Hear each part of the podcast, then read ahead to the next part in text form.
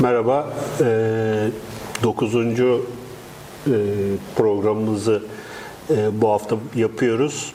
Bugün e, konuğumuz Özlem Kumrular. Kösem Sultan kitabını yeni çıkardı. Hem kitap üzerinden gideceğiz hem de biraz kitabın dışına çıkarak 16 17. yüzyıl Osmanlı saray hayatı ve e, Osmanlı siyaseti üzerine bir takım e, şeyler konuşacağız. Özlem Kumrular'ın bu ilk kitabı değil tabii. Birçok e, geçmişte kitapları çıkmış. Özellikle Türk korkusu ve İslam korkusu iki tane önemli şeyi ve ayrıca romanları da var. Biz onları bir heves bu hafta hepsini bir toparlayıp şey yaptık, aldık külliyatımıza. Ee, Özlem Kumrular'ın bu kitabı yeni çıktı. Ee, ve e, kitapla ilgili giriş kısmında bir anekdotu var. Ee, Halil İnalcık'la yaptığı bir görüşme sonrasında bu kitabı e, yazmaya karar verdiğini ön, ön sözde girişte anlatıyor. Orada çok da güzel bir e, şey söylemiş Halil Hoca. Bu kitabı yazarken boğaz Boğaz'a içine bak, bak demiş. Biz e, Boğaz içine baktığını e, hissediyoruz, seziyoruz kitapta. Çünkü gerçekten bir tarih kitabından beklenmeyecek kadar e, yani edebi yönü ağır basan bir e, gerçekçiliği ve e, estetiği var. E, ben okurken çok rahat ve e, çok hani tarih kitabı okumak, tarih kitaplarını okumak biraz şeydir, zordur bu popüler romantizme kaçan e, romanları vesaireleri bir kenara bırakıyorum. Bu gerçekten bir tarih e, kimliği olan bir kitap. Ama e, bir yandan da e, sanıyorum hocam e, Boğaziçi'ne bol bol bakmışsınız yani onu hissediyoruz yani. Hoca Boğaz'a bak deyince ben biraz cinası yanlış anlamıştım ama 4 kilo fazlayla çıktım kitaptan. evet. Ee, şimdi buradan bir e, kitap e, üzerinden başlayarak e, bu kitabı yazma maceranızı biraz e, konuşalım istiyoruz. Bu kitapta çok önemli bir iki şey yapmışsınız. Bir takım belgeler bulmuşsunuz, onları paylaşmışsınız. Bu açıdan önemli. Mesela Kösem Sultan'ın nikahlı olduğuna dair bir belge evet. Venedik arşivinden bulup çıkarmışsınız. Biraz isterseniz buradan başlayarak. Bence kitabın çıkış parçasıydı o. Evet. Çok ilginçti çünkü buradan Venedik'e gönderilmiş devlet tarafından gönderilmiş evet. resmi mühürlü. E, ve tam e, Murat e, başa geçiyor. Buna bir çeşit cülüsname diyebiliriz. Cülüsname diye bir tabir yok ama biz biz yapabiliriz. Çünkü evet. bir e, padişah başa geçtiği zaman bütün e, dost düşman devletlere yeni tahta geçen padişahın tahta geçtiği duyuruluyor. Bu arada Murat e, biraz küçük olduğu için e, Kösem hmm. ona naibelik yapacak. Bunu bildiriyor aslında. Fakat ilginç bir kelime orada e, onun nikahlı olduğunu doğruluyor. Hmm. Ahmet'in nikahlı eşi olduğunu. Kösem'in bilinmeyen iki oğlundan bahsediyor. Selim'den ve Orhan'dan. İki sagir evet. oğlu vardır diyor. Onları da bilmiyoruz. Onlar gerçekten vardılarsa Sonradan bunlara ne oldu? Neden bunlar hakkında çok fazla bir şey bilmiyoruz. O da bir muamma. Onu da çözemedik. Çözecek vaktimiz olmadı. Ee, bir de Murat'ın o dönemde yaşının 15 olduğunu öğreniyoruz. O, evet. 14. Ama bir de Osmanlı'da e, başa çıkan padişahı biraz daha inandırıcı olsun, biraz daha saygı görsün diye yaşını büyütme eğilimi olduğunu da düşünelim. Kitapta bir 12 rakamı var. Sonra bir 14 yani çeşitli kaynaklar. Çok, çok. Bütün evet. kaynaklarda farklı şekilde gösteriliyor. 12 ile 15 arası. Ama dediğimiz gibi... O... Bu belge bizzat e, Osmanlı mühürlü. E, yani bir e, Venedik e, elçisinin e, bir raporu falan değil. Hayır, hayır. Yani Osmanlı'nın Osmanlı, kendi yazdığı, Osmanlı'nın gönderdiği. Kendi... Hatta devamı da olduğu için çünkü böyle bir durumda size elçi gönderiyoruz deniyor. Karşıdan evet. elçi geldi deniyor. Sonra elçinin gönderdiği mektup geliyor. Sonra bir tekrar gönderiliyor. En azından bu 3 ila 5 mektupluk 5 e, haberlik bir seri oluyor. Karşılıklı mail karşılıklı, atıyorlar yani Karşılıklı mailleşiyorlar. Dolayısıyla bunun e, doğruluğundan şüphelenme şansımız yok zaten. Evet, evet. evet. Özlem Hanım peki şey soracaktım. Ben şimdi okurken e, acaba Kösem Sultan hakkında kaç tane kitap yazılmış diye baktım böyle de. E, Reşat, Reşat Ekrem Koçu'nun, e, Ahmet Refik'in başta olmak üzere e, yaklaşık 5 tane kitap var Hüsam Sultan üzerine. Çok daha fazladır. Yani Yani şey sürekli çıkıyor. sürekli Ciddi olanları. Hı hı. Ciddi olanları. Bir de roman olarak da işte 4 tane gördüm. Bir tanesi hatta şey Hanedan ailesinden e, bir kişinin yazdığı roman var. Bir de tiyatro seri var. Peki e, sizin e, bu çalışmanız romanları ve şey e, tiyatronu e, dışarıda bırakırsak diğerlerinden farkı nedir? Şöyle bir fark olduğunu düşünüyorum. Ee, Çoğu bunların e, Türkçe ve dolayısıyla ulaşabilenler de Osmanlıca kaynaklardan yazmışlar. Reşat Ekrem Koçu biraz fazla romanlaştırılmış. O aslında Nanslar roman diyebiliriz. O Doğan kitabını tekrar bastı. Onun içindeki e, e, hayali imgelerin büyük bir kısmı ne yazık ki yanlış. E, dönemi, o dönemdeki ada yaşantısını vesaire çalışmadan romanlaştırmış. Ama o bir roman zaten. Dolayısıyla ona bir şey deme hakkımız yok. Kurgu üzerinden gidiyor. Bir de kimse e, diğer kaynakları kullanmak istememiş ya da ulaşmamış o kaynaklara. Ya da birazcık da o dönemin e, hayal gücünü e, şu şekilde zorlamamış. Mesela daha önce ben hiç biyografi yazmamıştım.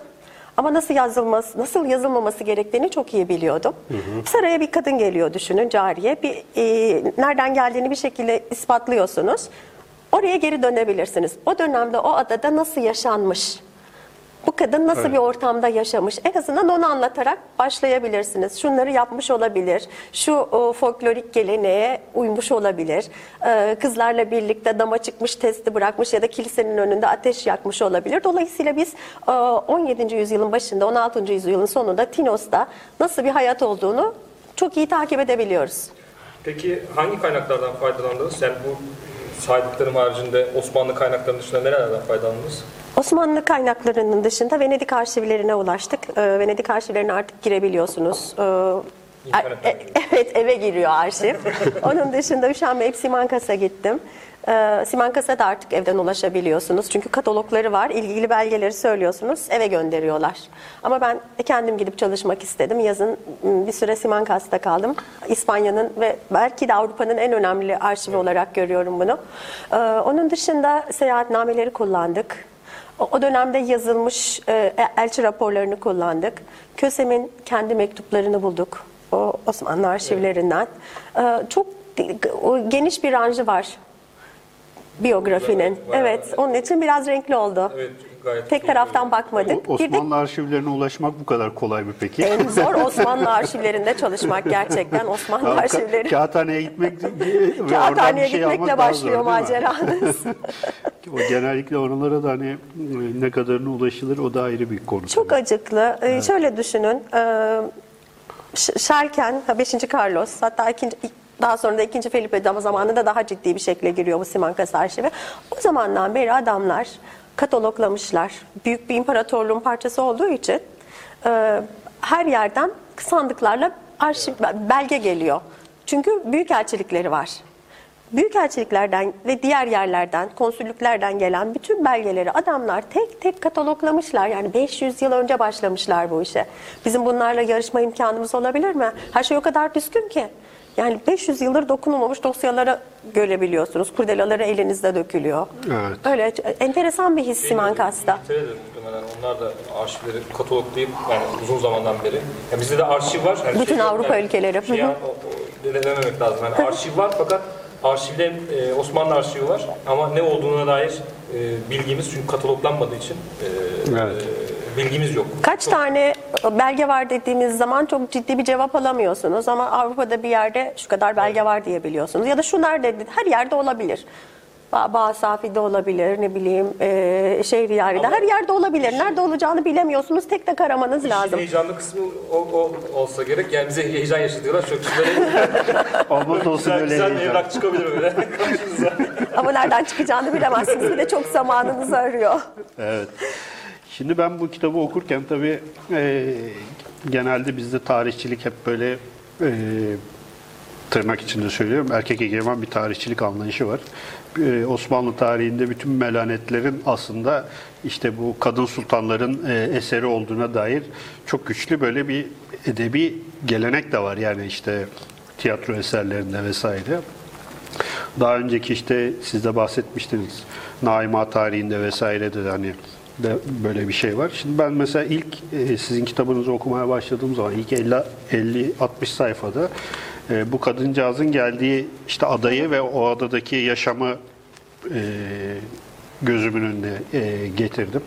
Ya o kültürel kökler nasıl şekillenmiş? Daha sonra bu kadın Osmanlı Sarayı'nda hangi koşullara tabi olmak zorunda kalmış? Hangi koşullarda hayatta kalabilme? Yani oradaki hikaye aslında biraz hayatta kalma hikayesi. Sadece Bagajla birlikte geliyorsunuz Evet. zaten onu unutmamak lazım. Bu kadın yani 13-14 yaşlarında gelmiş olsa ya da 12 diyelim. Evet. Bu kadının 12 yıl boyunca getirdiği bir bagaj var. Onu göz ardı edemezsiniz. Onu hayatı boyunca taşıyor. Evet. Her yere siniyor. Dediğim gibi mektuplardan bir tanesinde e, diyor ki e, Efendimiz bizi yoklar. Yani İslamiyet'te böyle bir tabiri yok. Peygamber Efendimiz deriz ama Tanrı Tanrı için Efendimiz demeyiz. evet. Señor nuestro değil mi? Ee, Şey, ka- Katolisizmde olduğu gibi, şeyde olduğu gibi, Kyrios, Oteos, Ortodokslukta olduğu gibi Efendimiz Tanrı'dır. Kadıncağız farkında olmadan Aslında e, çeviri kendi- yaparak kafasında Evet. kendi tanrısına belki de inanmaya devam ediyordu. Evet. Bir de müftedi refleksleri var. Onları da çok anlıyoruz. Sürekli tanrıdan, sürekli peygamberden, İslam'dan bahsetme. evet, aşırı dindarlık. Aşırı değil, evet müftedi refleksi diyebileceğimiz şeyler bunlar. Diğerlerinde olmayan, Evet. kendini ispatlamak, tam olarak döndüğünü göstermek, e, işte saygı görme isteme. Evet. Mesela o şeyde e, bu kadının e, iktidarında bir takım kırılmalar oluyor. İşte birinci Ahmet'in işte kardeş katli sistemini ortadan kaldırıp e, işte kafes e, haremde kafes sistemine geçilmesi, ekberiyetin hani e, şey yapılması, e, Uygulanması. uygulanmaya başlanması vesaire. E, bütün bu dönüşümler bu arada tabii işte Mustafa'nın iki kere o deli e, Mustafa'nın iki kere iktidara gelip tekrar gitmesi, daha sonra e, İbrahim'in gelmesi gitmesi, dördüncü Murat'ın şiddet e, oldukça e, zalimce e, davranışları vesaire. E, şimdi bütün bunlara baktığım zaman ben kitapta şöyle bir şey hissettim yani kendimce. Yani e, kadın aslında hayatta kalmaya çalışıyor. Yani bu sadece bir iktidar meselesi değil. Yani e, bir var olma veya yok olma meselesi ve bu oyunu e, kuranlar da kadınlar değil aslında. Yani bu bir sistem, böyle bir sistem e, gelmiş ve o, o sistemin içinde e, bir e, enstrüman olarak e, valide sultanlar varlar yani bir, bir şekliyle varlar. E, ve e, şunu ben hani e, hissettim, sezdim yani kitabı e, şeyinde. Bu sistem bu kadınların eseri değil aslında. Yani onlar sadece aslında bu sisteme uyuyorlar ve hani ne Kösem Sultan, ne Hürrem Sultan, ne e, ne bileyim Safiye Sultan e, değil mi? Yani bunlar e, aslında e, bu e, sistemin bir parçası olarak bu davranışları sergiliyorlar. Ama mesela baktığımız zaman e, bizim işte geleneksel tarihçiliğimizde işte sultanlar e, veya sistem hani genelde suçsuzdur ama arkada hep böyle entrikalar çeviren bir takım e, kadın sultanlar vardı. Ben şeyi çok iyi hatırlıyorum. 1980'lerde bu e, Kösem Sultan e, şeyi vardı. Cihan Ünal'la e, şey oynardı. Evet, Cüneyt Bey de geçen gün programda bahsetti ondan. Evet. Ayten Gökçer oynardı. Hatırlatmak babına gösterilirmiş sürekli. Evet yani sürekli Gürzü, işte, gürzünü işte devamlı gürzünü çıkarırmış bilmem ne falan filan. Ee, ama mesela orada hani anlatılan şey yani herkes çok saf ama işte bu e, harem e, hayatı en son işte bu popüler dizilerde de bu çok fazla kullanılıyor. Yani bu konuyla ilgili aslında biraz konuşmak gerekiyor herhalde. Ve e, bu konuyu biraz e, Ben bu aralar gerekiyor yani. Nurbanu ve Safiye'nin hayatını da çözmeye çalışıyorum. Birazcık o belgelere girmeye başladım. Birazcık Evet. retrospektif çalışmaya devam edeceğim. Hoşuma gitti bu kadın biyografisi. Kadın Evet. biyografi yazmak çok zevkli bir işmiş. Ee, Şunu fark ettim. Birazcık padişah profili e, düşük olduğu zaman kadın ister istemez e, öne geliyor. Ve e, yeniden yıllar sonra mesela Lello'nun muhtırasını okudum. evet. Sadece Safiye'den bahsediyor. Devletin bir dönemini anlatıyor. Küçük bir dönemiyle ilgili rapor tutmuş Lello İngiliz elçisi. Evet. Sadece Safiye var. Sanki Murat hiç yok. Çünkü Murat zayıf bir karakter. Murat çok zayıf bir karakter. Evet, çok e, sönük bir profil. Selim de kısmen öyle. Kanuni'nin son zamanları öyle. Evet. Kanuni genel olarak e, ölüme yaklaşıyor bir an ya da yaklaştığını hissediyor. O ara e, camiyi yaptırıyor zaten. Cami yaptırma kararı büyük ihtimalle o zaman çıkıyor. En büyük e, raki, en büyük mütefi ölüyor. E, bir yıl önce Barbaros ölüyor. O dönemde bir depresyona kapılıyor. Bunu zaten İspanyol abisolarından biliyoruz. Hürrem'in de o zaman onu tabii Prozac olmadığı için maslakla iyileştirdiğini bir şekilde o depresyonunu o dönemki e, belgelerde melankoli olarak geçiyor bu. O dönemden sonra kanuni aslında eski kanuni olmuyor. Kadınlar saltanatını o zamandan başlatabiliriz. Ama şöyle bir şey diyelim mi acaba? Ee, belki bir 16. yüzyılın ortalarına kadar ee, karizmatik bir şey var. Ee, sultan imgesi var. Ee, bir yanda da ee, gelişen bir bürokrasi var. Devlet bürokrasisi var. Ee, şeyden sonra Süleyman'dan sonra e, bu e, bürokrasi işte kapı halkları işte e, bu e, yapı şeyin önüne geçiyor.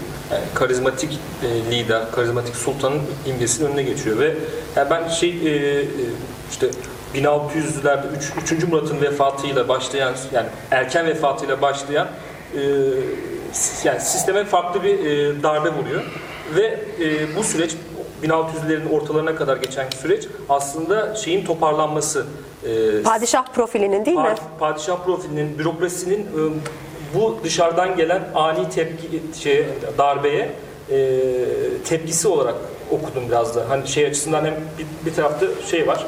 E, işte kadın sultanlar şeyin tabiriyle e, Reşat Ekrem Koç'un tabiriyle kadın sultanlar harem ağaların hatta bir yerde şey diyor e, kitabınızda da var. Zencilerin hükümdar hüküm, hükümdar olduğu bir imparatorluk diyor. Yani aslında bürokrasinin olduğu, bürokrasinin e, da haremin e, etkin olduğu bir e, devlet var ama bu şeyden mi kaynaklanıyor? E, buna hazırlıklı olmayan bir şey var, e, sistem var ve dışarıdan bir tepki geliyor, e, daha doğrusu darbe geliyor ve buna e, tepki verip e, kendini toparlamaya çalışıyormuş gibi geldi. Mesela 4. Mehmet'le artık şeyle beraber hani Hatice Sultan biraz daha şeydi, Kösem'in e, boğdurulmasıyla beraber sanki o e, sistem kendi şeyini rayına tekrardan oturmuş gibi görünüyor. Bir de tabii dışarıda şey de var. Sadece e, ha, e, haremdeki konular değil. Dışarıda da işte Celaliler var, uzun savaşlar var. Hani sırf şeyi de düşünmemek lazım. Topkapı Sarayı'nın Çok karmaşık bir dönem evet. yani işte tegayür ve fesat diyor ya, işte İnalcık Hoca'da kitabın ikinci cildi şey tegayür ve fesat. Yani işte e, ge- gerileme dönemi de deniyor. Yani şey anlamda gerileme dönemi. Bu, bu tarz bir şey mi sizce de? Nasıl gördünüz? Yani şeyin haricinde çünkü Safi, e, Kösem'i yazarken e, diğer taraftan da o siyasi konjonktüre de e, baktınız. Siz nasıl görüyorsunuz orayı? Bir de şöyle var tam zaman o zaman da e, 30 yıl savaşları başlıyor. 30 yıl savaşları aslında Osmanlı için bir şans. Çünkü onlar birbirine giriyor. İşte Katolisizmle Protestanlığın birbirine girdiği bütün Avrupa ülkelerinin e, bir şekilde savaşa tutuştuğu bir yaşam savaşı verdiği bazılarından e, bağımsızlıklarını kazanarak çıktığı bir savaşta Osmanlı kısmen en azından çok ciddi bir şekilde onlarla uğraşmak durumunda kalmıyor. Tabii ki doğuda ve batıda savaşlar tabii ki devam ediyor ama kısmen biraz daha rahat. Bu dönemde e, dediğimiz gibi parlak bir padişah profili yok. 4. Murat'a kadar yok. 4. Murat çıkıyor, tekrar toparlıyor. Sonra yine e, Mehmet'e bırakıyor. Yine bir durgun bir dönem geliyor. Herhalde 4. Murat çıkmasaydı Osmanlı'nın akışı çok daha farklı olabilirdi. Çünkü padişah profili Giderek böyle abismal bir şekilde, uçurumsal bir şekilde düşmüş olacaktı. Ee, ve çok değişik şeyler. Mesela e, hocanın junta yönetimi dediği, yani çok enteresan bu dışarıdan bakılınca inanılamıyor. Bir e, valide, daha sonra valide-i muazzama olacak bir kadın, Yeniçeri ağası ile birlikte devlet yönetiyor. evet bir junta kuruluyor. Bir yani. junta kuruluyor. Evet. Belki şey Evet. öncesinde de hani karizmatik e, sultan, karizmatik lider dediğimiz dönemlerde de aslında bu tarz e, klikler etkindi. Fakat e, bu kadar gün yüzünde çıkmıyordu. Belki bu etki etmiştir. Yani şeyin işte e, padişah profilinin düşmesiyle beraber o e, baskın işte Yeniçeriler yani işte Fatih Sultan Mehmet döneminde de ayaklanıyorlar işte Buçuktepe isyanı. E, Yani o tarz şeyler var ama daha böyle e, şey düşükmüş gibi kalıyor. Yani e, lider işte sultan daha etkin olduğu için Her zaman. Hı hı. e, ama işte şey geldiğimiz zaman 1600'lere geldiğimiz zaman bu e, tepe taklak olduğu için kontrol altından çıkıyor herhalde. Yani 4. Murat Daha Evet 4. Murat bile ne kadar e, kuvvetli kuvvetli görünümlü o profili yukarıda tutabilecek bir padişah o bile asker ayaklandığı zaman çocuklarının gerçekten öldürülmediğini göstermek için onları askere göstermek durumunda kalıyor. Bu kısmen bir prestij kaybı aslında göstermeyebilir. Evet. Bir de Kösem Sultan bunu çok iyi biliyor. Bir ayaklanma olduğu zaman güç onun üzerine çıktığı zaman bir adım geri çekiliyor. Özür dilemesini biliyor, dili iyi kullanıyor. Böylelikle o kırılmayı engelliyor. Yumuşak bir şekilde var oluyor. Ben Kösem'in güce aşık olduğunu düşünüyorum. Çünkü bir şekilde geri çekilip eski sarayda daha pasifik bir hayat yaşayabilirdi. Bunu yapmıyor. Evet. Kadın güce aşık gerçekten. Sürekli var olmak istiyor. Ve tam e, geri çekilmek istediği zaman Turhan gel, Hatice Turhan geldiği zaman ısrarla Kösem'in devam etmesini, onun devlet işlerinden anladığını, e, çocuğun çok küçük olduğunu, torununun çok küçük olduğunu söylüyorlar. Ve tam gerçekten belki de bırakmak istediği anda ya da belki de bırakmak istemiyordu, öyle görünüyordu. O dönemde bile e, bırakmasına izin vermiyorlar devlet yönetimine. Burada kitabın bir yerinde Sistem izin vermiyor. Ee, 16. yüzyılın başında yazı- yapılan yazışmalardan bahsetmişsiniz. Ee, neredeyse bir iddia e, kuponu doldurur gibi işte Osmanlı'nın yıkılmasına şu kadar zaman kaldı, çok az zaman sonra yıkılacak, ha yıkıldı ha yıkılacak diye böyle bir e, mektuplaşma ve e, şey dönemi var. Yani e, programdan önce seninle de e, konuşmuştuk. Aynı dönemde herhalde değil mi? İspanya'da da böyle bir şey var. İstersen Yani o konuya bir girelim. Onu aslında ona da getirmek istiyorum. Siz çünkü İspanya tarihi üzerine de çalışıyorsunuz ve e, doktor teziniz onun üzerine. Evet, E, 16. yüzyıl. 16. Hı hı. yüzyıl. Yani şeyde e, tarih yazımında işte Osmanlı'nın e, gerilemesi işte Bernard Lewis'in bir makalesiyle başlıyor. E, işte bu o dönemde yazılmış Koçu Bey'in e, Katip Çelebi'nin yazdıklarından hareketle e, Osmanlı'nın işte bugünkü e, bildiğimiz tarihlendirme e, mevzusu oraya dayanıyor. İşte, e, işte kuruluş, e, yükseliş, e, gerileme ve çöküş olarak. Ama e, şu- Zitvatorok, Karlofça Evet, gibi yani şeyler değil mi? Şeyler, sonra dağılma falan diye. Ee, Bir yandan işte şey, e, şimdi yeni yeni işte elimize geçen da araştırmalarla işte yeni yeni e, konularla şunu görüyoruz ki e, bu biraz daha böyle revizyonist bir şekilde bir gerileme değil bir e, reform yahut da bir esneklik e, Kesinlikle. veyahut da bir tepki yani çünkü dışarıda farklı şeyler oluyor. Ve aynı dönemde aslında biraz bu konuları ilgilendiğim için programın başında söylemiştim size programdan önce. Üçüncü, dördüncü Felipe zamanları, dördüncü Felipe, Rey Pasmado değil mi? Aynı, aynı mu- muhtıralarda şeyden bahsediyorlar. İspanya'da çöküyoruz, işte e, çöküyor. Ya da şey de var. Yani bunun üzerine e, biraz bak bildiğim için söylüyorum.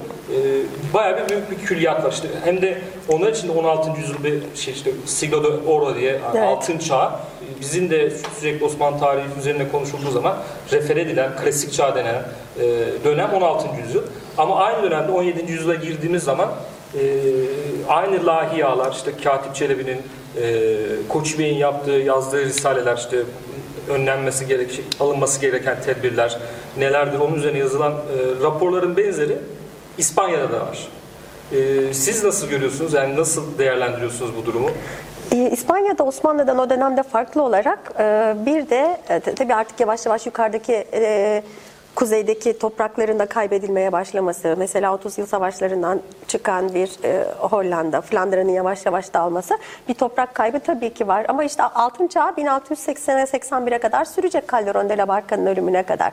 Avrupa, işte İspanya'nın o dönemde Osmanlı'dan farkı e, gerçekten çok ışıltılı bir sanat dönemi yaşıyor olması ve bütün Avrupa'yı bu şekilde etki altına alıyor olması ve hala ilimin yuvası olarak görülen merkezlerin bulunması. Ri- Richelieu'nun çocuklarının okumak için Salamanca'ya gönderilmesi. Adam Fransa'da okutmuyor. İspanya'ya gönderiyor. İspanya'daki o kültür e, resimde, e, edebiyatta, e, heykelde, aklınıza gelebilecek sanatın, plastik sanatların her dalında bir altın çağ yaşanıyor. Ama bir taraftan da tuhaf bir şey var, toplum çöküş içinde. İşte pikaresk toplum dediğimiz dönem çıkıyor ortaya. Çünkü halkta gerçekten para yok. Ve e, şiddetli bir yozlaşma başlıyor. Ve Bu yozlaşmada işte hırsızların çoğalması, işte e, normdan sapmaların e, fazlalaşması, e, dilencilerin bütün ülkenin her tarafına yayılması, macera perestlerin yavaş yavaş seviyeye gelip Amerika'ya kaçması, e, onları ürküten birazcık bu so- sosyal çalkantı diye düşünüyorum. Haklı olarak diğer taraftan toprak kayıpları da var tabii ki. Ee, Avusturya mucizesi denen şey var. Her şeye rağmen nasıl hala ayakta kalabiliyor? Evet. Bu sanatla ilgili burada çok ilginç bir şey e, benim de ilgi alanım olduğu için tabii şey yaptım. Birinci Ahmet'in e, Resimlere gizli gizli resimlere bakması gizli değil mi? gizli bakması hikayesi gerçekten çok enteresan. Yani o Fransız Büyükelçisi'nin e, çağırtıp resim getirtip ona sarayda bu bununla ilgili belge e, ve e, şey yani yazışma Fransız var? bir kaynak. Evet, Ha. Fransız bir kaynak. Çok enteresan yani. er- Hani elçisi yazmış. Evet. Ama sonra geri gönderiyor. Yani günah olduğu için e, şey yapıyor. Demek ki aslında hiçbirisi e, Fatih kadar e, cesur değilmiş yani. Evet, Bir yandan bir da böyle Ahmet- bir gerçeklik var yani. E, Fatih'le tabii ki kıyaslanamayacak bir figür. Ee, Evet. belki kıya, am, 4. Murat'tan hiç, hiç hoşlanmıyoruz ama ben Fatih'ten sonra en çok onu beğeniyorum galiba. Satırlarınızdan belli oluyor. Evet evet o- onu Evet, çok o. beğeniyorum. Çünkü işte haftanın yedi günü yedi değişik grupla oturan, e, ha bir taraftan e, hamilik yapan, Evet. e, diğer taraftan fiziksel güç çok önemli bir halk için özellikle e, bir imparatorluk için o kadar önemli ki fiziksel güç e, imparatorluğun aynı zamanda toplayıcısı çünkü bunun üzerine üretilen mitler bir taraftan sizi ayakta tutuyor. E, ben Murat'ın e, askere karşı bu şekilde bir istibdat yönetimi yaratmak durumunda olduğunu düşünüyorum şahsen. Evet. Çünkü mesela Ro'nun yazdıklarından da biliyoruz. O, o dönemde Yeniçeriler gerçekten çığırından çıkmış durumdalar. Ve e, Osman dönemini anlatıyor ama bu Evet. devam edecek tabii ki. Buna bir şekilde karşı koyması gerekiyor. Mesela şarap yasağının ben aslında Yeniçeriler için koruyulduğunu düşünüyorum. Evet. Çünkü artık ucu bucağı alınamıyor. Onun ufak tefek satırlarını yakaladığımız zaman Evet. e, Murat'ın neden böyle davrandığını anlıyoruz. Evet. Çaresizlikten böyle bir imaj oluşturduğunu düşünüyorum. Machiavelli e, çevirtiriyor. Çok enteresan bir Onu figür. evet onu çok ben de enteresan. e, Machiavelli'yi çevirtip okup, okutması çok Evet. e, şey. Bir de sizin kitabınızda e, da geçiyor işte Evliya Çelebi'nin anlatımı var. Melek Ahmet Paşa'yı ve diğer yanda bir başka bir paşayı da ikisini birden kemerlerinden kaldırıp sonra Melek Ahmet Paşa'yı bir de başın üstünde çevirmiş ama bu hikaye Şaka gibi. e, Cemal Hoca da e, bir yerde anlatmış. E, Daha doğrusu yani Evliya Çelebi İye de aynı şeyi yapmış. Evliya Çelebi'nin şeyi var yani Evliya Çelebi'yi de kaldırıp çeviriyor. Ee, işte Evliya şimdi diyor üzerinize boşaltacağım diyor.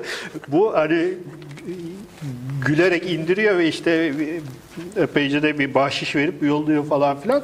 Ama mesela orada şey çok enteresan. Yani bu kadar şiddet ve dışarıdan baktığınız zaman korkunç bir e, e, profil veren bir padişahın günlük hayatta hani eğlence olsun diye iki şeyi paşasını böyle kaldırıp e, ne bileyim e, bunlarla eğlenmesi falan e, enteresan bir şey. Bir taraftan belki bir arama, ara okuma yaparsak e, dediğimiz gibi o fiziksel güç Evet.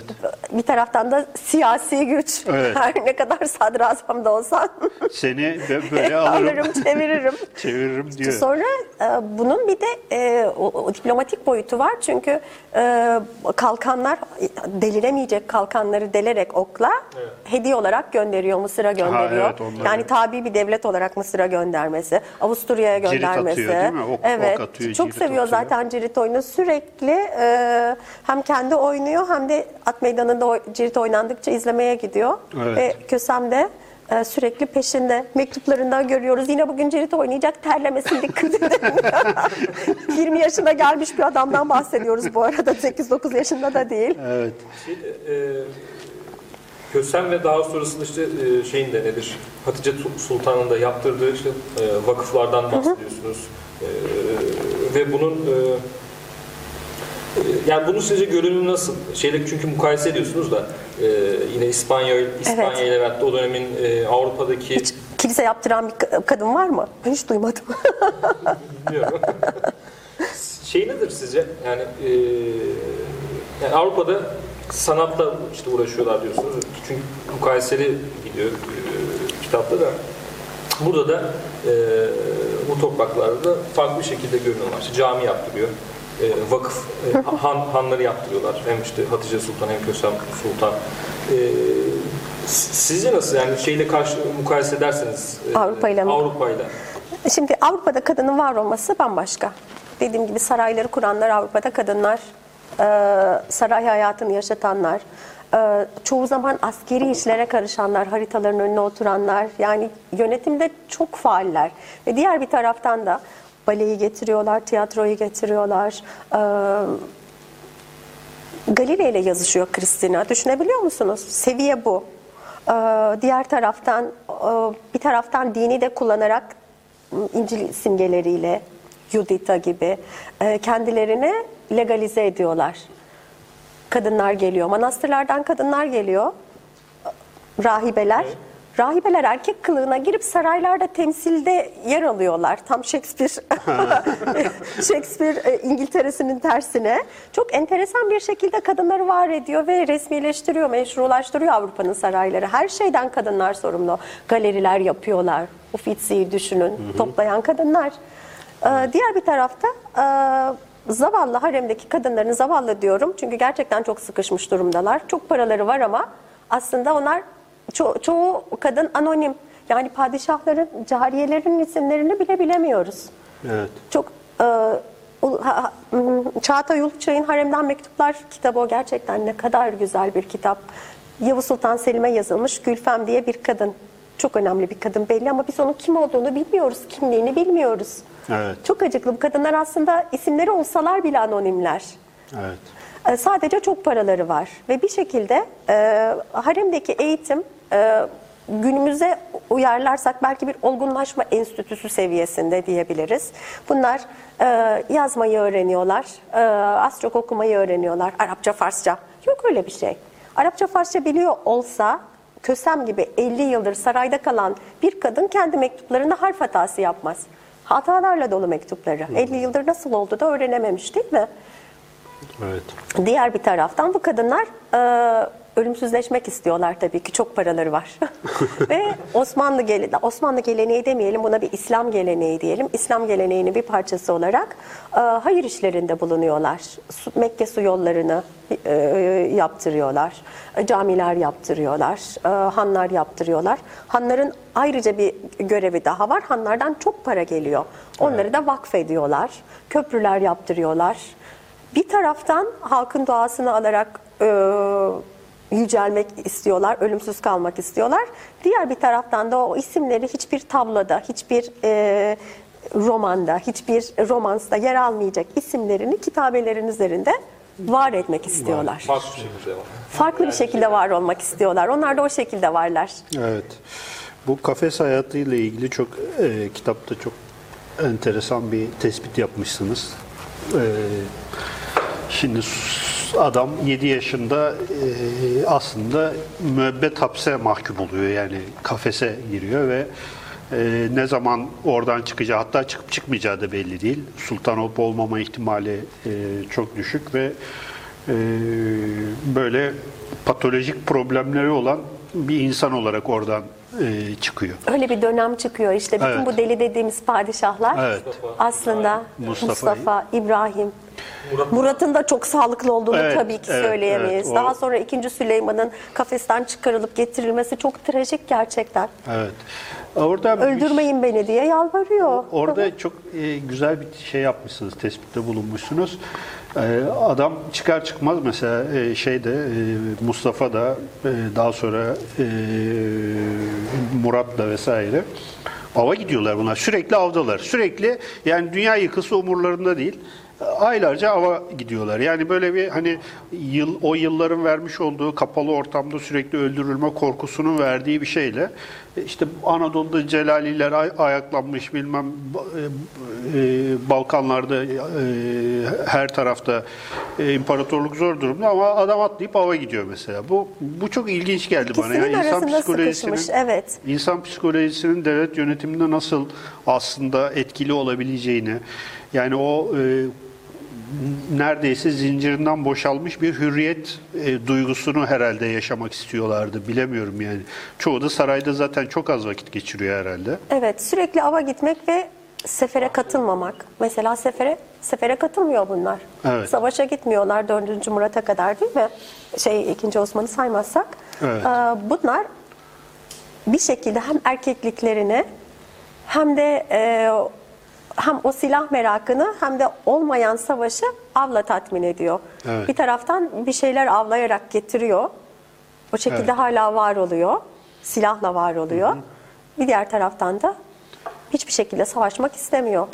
Av bir şekilde e, savaşın e, ne diyebiliriz? Minyatürü. Tatlı bir e, muadili diyebiliriz. Evet, Zararsız bir muadili. Evet. Bir yandan da işte psikolojik olarak yani o e, aylarca süren bu av partilerini mesela bir rakam vermişsiniz. 20 bin kişi falan katılıyormuş Şaka galiba. gibi Evet, dönerken 20 bu rakamlar ne kadar abartılıyor olsa da yine de Yani 20 binde diyemeyelim. 20 bin evet, 10 kişi demek diyelim. e, çok büyük rakamlar yani bunlar. E, ve e, yani ben mesela hani onu, onu çok fazla o ilişkiyi kuramıyordum açıkçası. Yani bu av merakıyla Evet. kafes hayatının nasıl e, birbirini etkilediği konusunda o açıdan güzel bir e, çözümleme olmuş. Onlar yani. zaten genellikle bir İran elçisi varsa çünkü İran elçisi e, her zaman e, diplomaside üzerine çıkılması gereken es- esas düşman esas gösteriş yapılması gereken taraf Doğu olduğu için ne zaman bir İran elçisi gelse böyle çok yüksek sayıda abartılmış olabilir ama en azından e, kalabalık olduğunu biliyoruz. Bir avdan dönüyormuş gibi yapar padişah. Dönüyormuş gibi yapmasa da mutlaka ona denk getirir. Ve İran elçisi onu görür. Evet. Bir de belki şey var galiba burada. Ee, yani av dediğimiz şey göçebe toplumların yani hayatta kalmasını sağlayan ve onu tekrarlayan o ritüelleri işte ava çıkma yani çünkü orada hayatını sağlıyor. Hayatta kalmasını sağlıyor ve şeyde e, Osmanlılar'da sonuçta e, göçebe e, geçmişe sahip bir topluluk ve İran e, işte şey hani meşruiyet kaygısı hem de belki bu şey İran Turan geleneği işte Şahname'deki e, şeyler e, üzerine dönen konular yani işte İran işte şey yerleşik ama diğer tarafta da e, Turan var işte daha göçebe ve bunların arasındaki şey var diyalektik bir yapı var. Belki şeyin göstermesi yani avcılığı işte ona vurgu yapılması belki o geleneği e, diriltme ve e, bir yandan da işte şey e, şekil olarak da Evet. e, savaşçılığa vurgu olabilir belki. Şunu düşünüyorduk çocuklarla. Medeniyet neye göre medeniyet? Medeniyet Medine'den geliyor değil mi? Şehirden geliyor. Şehirleşmek, sivilizasyon aynı şekilde. He- Hep içinde bir şehir var. Ama Türklerde bu yok. Türklerde bu yok. Ee, Türk şehir tarihini, e, yerleşiklik tarihini okunca insan daha iyi anlıyor. Çünkü Tonyukuk diyor ki e, yatuktur bunlar. Yatuk yani tembel. Yani şehir kurup oturan insanlar tembeller ve bir, iktidar ayakta kalabilmek için, var olabilmek için dinamik olmak durumundadır. Biz sürekli dinamik olalım, bunlar gibi yatuk olmayalım. Yani yatukluk, tembellik, e, şehirleşmek Türklerin o dönemde gözünde gayet e, pejoratif. E, diğer taraftan da kocaman bir Çin sivilizasyonu var. Kocaman bir popülasyonu var. Nüfus çok. Türklerle kıyaslanamayacak durumda. Zavallı Türkler ne zaman bir yerde yerleşelim deseler Çinliler onları yok ediyorlar. Dolayısıyla Türklerin bir zaten yerleşme imkanı da yok. Evet. İsteseler de bir yerleşik düzene geçemiyorlar. Çin üfleyince dağılıyorlar. Dolayısıyla bizdeki e, şehir geç şehirleşmenin iki tane sebebi var. Bir tanesi e, düşünce olarak zaten ayıp olması ve tembellikle bağlanması. Diğeri de ne yazık ki Çin'in yanında kalmış olmak. Başka bir ülkenin yanında olsaydık daha küçük, daha şans. Tarihin cilvesi diyelim. Senin söyleyeceğin başka bir şey. Çok teşekkür ediyoruz. Ee, Biz teşekkür ediyoruz. lütfettiniz geldiniz. Biz e, her program sonunda bir imza e, istiyoruz, alıyoruz ve bu şekilde programımızı e, kapatıyoruz. E, 15 gün sonra e, tekrar görüşmek üzere diyelim. Evet. İyi günler. İyi günler. Size hemen şöyle takdim edelim. Bu Cengiz Bey'e. Evet.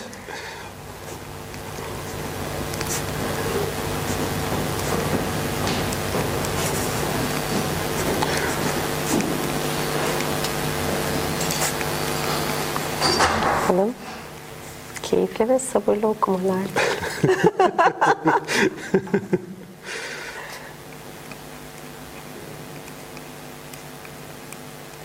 Şimdi 2015 Teşekkür ederim. Çok güzel oldu.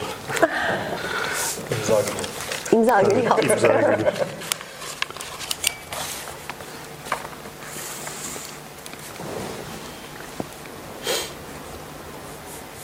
Doğrudan sabırlı okumalar dileyelim. Ama. Bitirdiniz mi? bitirdim. Dersinize çalışıp geldik. Ben e, tam bitiremedim. Bir 100 sayfa kaldı. İşi yetiştiremedim yani. Teşekkürler. Biz teşekkür ederiz. Sağ olun.